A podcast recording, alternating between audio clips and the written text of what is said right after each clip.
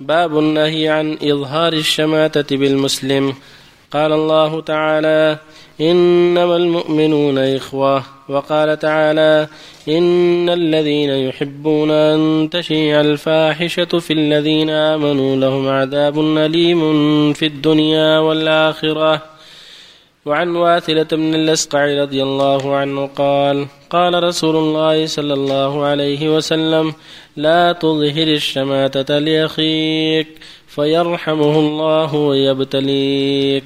رواه الترمذي وقال حديث حسن. وفي الباب حديث أبي هريرة السابق في باب التجسس كل المسلم على المسلم حرام. الحديث باب تحريم الطعن في الأنساب الثابتة في ظاهر الشرع. قال الله تعالى والذين يؤذون المؤمنين والمؤمنات بغير ما اكتسبوا فقد احتملوا بهتانا وإثما مبينا. وعن أبي هريرة رضي الله عنه قال قال رسول الله صلى الله عليه وسلم إثنتان في الناس هما بهم كفر الطعن في النسب والنياحة على الميت. رواه مسلم. وبالله التوفيق. اللهم صل على رسول الله وعلى اله وأصحابه من اهتدى أما بعد هذه الآيات والأحاديث فيها بيان التحذير من الشماتة بالإخوان وأن ذلك خطر عظيم قد يفضي إلى أن يبتلى الشامت بما أصيب به غيره.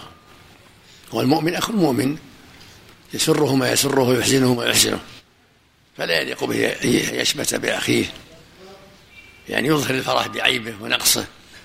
شمعت بالأعداء شمعت بالإخوان يعني إظهار عيوبهم نقصهم فرحا بذلك وتلذذا بذلك ونوع انتقام أو بتبجح فالحاصل أنه لا ينبغي على أي قصد إظهار الشماتة بأخيه بل يسأل الله له العافية سواء كانت شماتة بنقص في دينه أو عيب في خلقته من عور أو عمى أو عرج أو غير ذلك أو نقص في دينه من الفسق والمعاصي بل ينصحه ولا يظهر الشماتة به. من هذا الباب تحريم الغيبة والنميمة والسخرية واللمز كلها من هذا الباب. والله يقول جل وعلا إنما المؤمنون أخوة فأصلحوا بين أخوين فالأخ يفرح لأخيه بالخير ولا يشمت به الأعداء ولا يظهر عيوبه.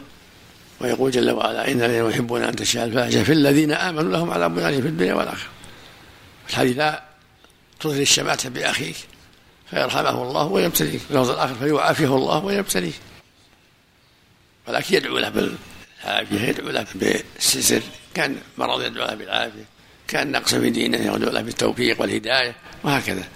ولا يشمت به الأعداء. وهكذا الطعن في الأنساب تنقص أنساب الناس عيبهم يضرهم ويؤذيهم ويسبب البغضاء والعداوة.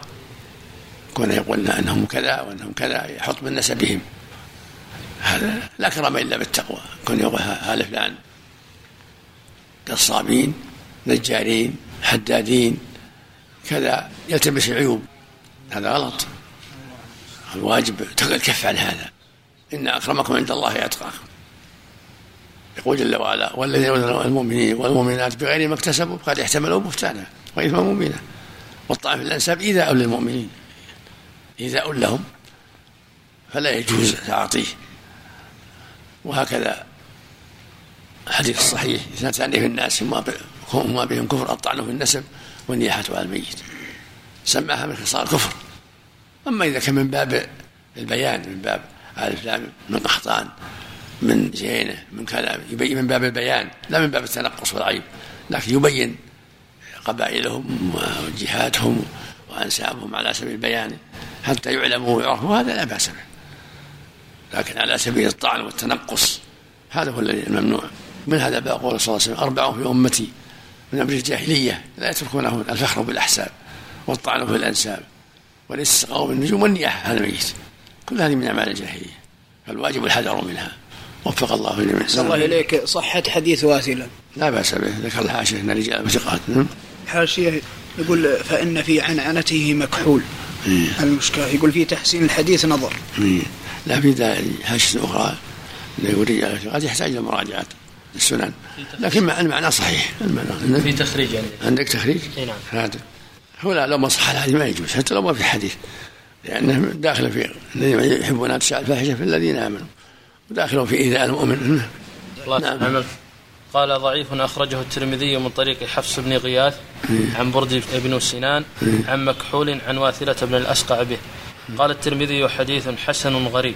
ومكحول قد سمع من واثلة بن الأسقع وأنس بن مالك وأبي هند الداري.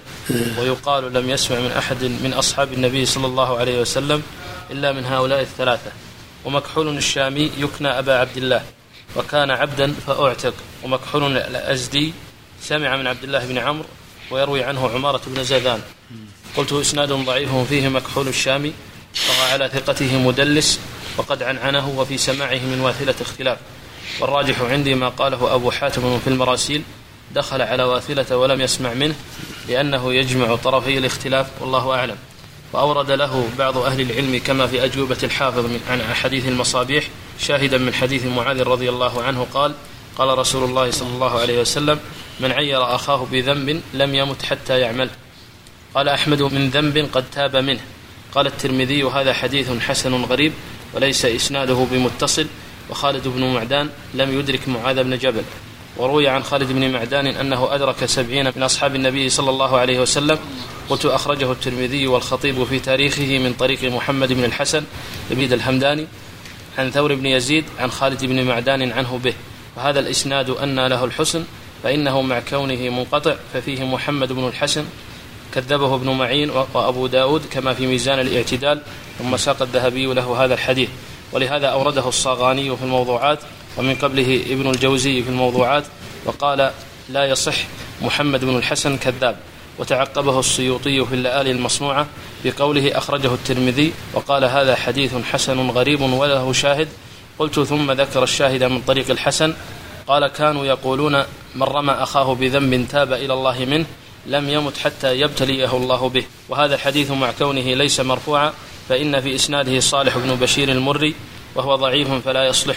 فلا يصلح شاهدا لضعفه وعدم رفعه وبالجملة في الحديث ضعيف ومن حسن الحديث بشواهده خفيت عليه العلة الحقيقية لحديث معاذ وهي وجود محمد بن الحسن وهو كذاب فلا يفرح به ولا كرامة فوق كل ذي علم عليم.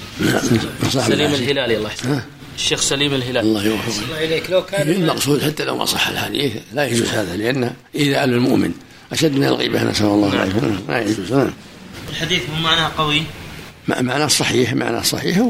وشاء حديث واثلة وشواهده قد تقوى على الحسن لكن حتى لو ما صح في حديث هو داخل في إيذاء المؤمنين. أحسن الله إليك. التمتس لو كان مازحا أحسن الله إليك. أحسن الله إليك لو كان مازحا ولا مازح ما يصلح المزح بعيب اخيه هل يطلق على المعصية كفر؟ أحسن الله إليك. هل يطلق على المعصية كفر؟ على حسب ما سماه الشارع. هذا سماع. المقصود بالكفر. إذا أتت المعصية كفر دون كفر. نعم نعم. إذا مثل الشرك الأصغر يعني إذا أتت منكرة ما تكون من الكفر الأكبر. هذا قاعدة. الله يحسن أتت معرفة. الغالب يكون من الكفر الأكبر. نعم الله إليك دياركم دياركم تكتب آثاركم. حتى بالسيارة يا شيخ تكتب آثار آه، الرجل. نعم. حتى بالسيارة. شو المعنى؟ شو المعنى؟ الحديث رواه مسلم في الصحيح. نعم. معناه عام أو معنى عام. ما في كلفة الله يحسن نعم. ما في كلفة ولا ما في كلفة ولا ما في الشاب اللي يمشي ما عليه كلفة بعد يعني نوعا ما الله الشاب ما عليه كلفة